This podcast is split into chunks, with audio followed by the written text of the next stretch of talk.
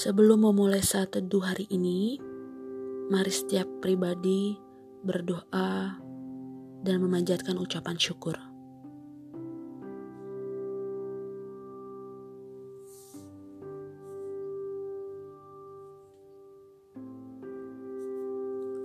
Mari kita berdoa.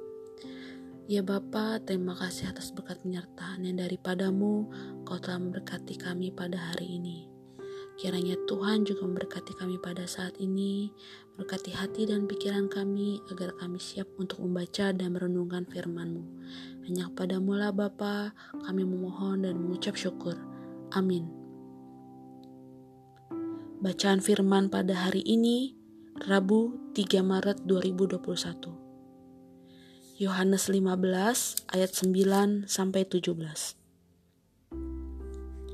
Perintah supaya saling mengasihi. Seperti Bapa telah mengasihi aku, demikianlah juga aku telah mengasihi kamu. Tinggallah di dalam kasihku itu. Jikalau kamu menuruti perintahku, kamu akan tinggal di dalam kasihku. Seperti aku menuruti perintah Bapakku dan tinggal di dalam kasihnya. Semuanya itu kukatakan kepadamu supaya sukacitaku ada di dalam kamu dan sukacitamu menjadi penuh. Inilah perintahku, yaitu supaya kamu saling mengasihi seperti aku telah mengasihi kamu. Tidak ada kasih yang lebih besar daripada kasih seseorang yang memberikan nyawanya untuk sahabatnya. Kamu adalah sahabatku, jikalau kamu berbuat apa yang kuperintahkan kepadamu.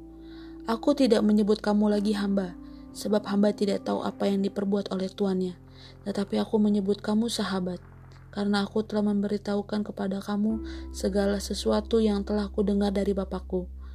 Bukan kamu yang memilih aku, tetapi akulah yang memilih kamu. Dan aku telah menetapkan kamu supaya kamu pergi dan menghasilkan buah, dan buahmu itu tetap, supaya apa yang kamu minta kepada Bapa dalam namaku diberikannya kepadamu. Inilah perintahku kepadamu, kasihilah seorang akan yang lain.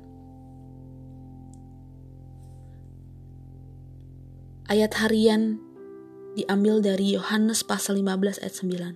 Kata Yesus, "Seperti Bapa telah mengasihi aku, demikianlah juga aku telah mengasihi kamu. Tinggallah di dalam kasihku itu." Penulis renungan kesaksian oleh Mike Mangan dari New South Wales, Australia. Dengan judul Sesuatu yang Baru. Ketika masih sekolah dasar, aku ingat beberapa anak bercakap-cakap tentang berpuasa makan permen pada masa prapaskah, dan aku tidak senang akan hal itu. Akan tetapi, di masa prapaskah, kita tidak hanya berpantang untuk hal-hal yang kita sukai. Kita pun dapat berpantang akan kebiasaan buruk, seperti menilai rendah diri sendiri, berpikir buruk terhadap sesama, bergunjing, atau memiliki harapan akan diri sendiri yang tidak realistis. Kebiasaan tersebut membatasi kasih daripada membuatnya tumbuh. Siapa tahu, ketika kita menghentikan pikiran, perkataan, dan kebiasaan negatif di saat prapaskah, kita mendapati bahwa kita sangat menikmatinya sehingga kita ingin menghentikannya, menghentikan untuk selamanya. Namun masa prapaskah bukan hanya tentang melepaskan, melainkan juga tentang memikul. Yesus telah memikul salibnya bukan? Kita pun dapat memikul salib Misalnya dengan banyak membaca tentang Kristus sepanjang prapaskah, mencoba hal-hal baru dalam berdoa, atau mengambil waktu lebih untuk menikmati hadirat Allah.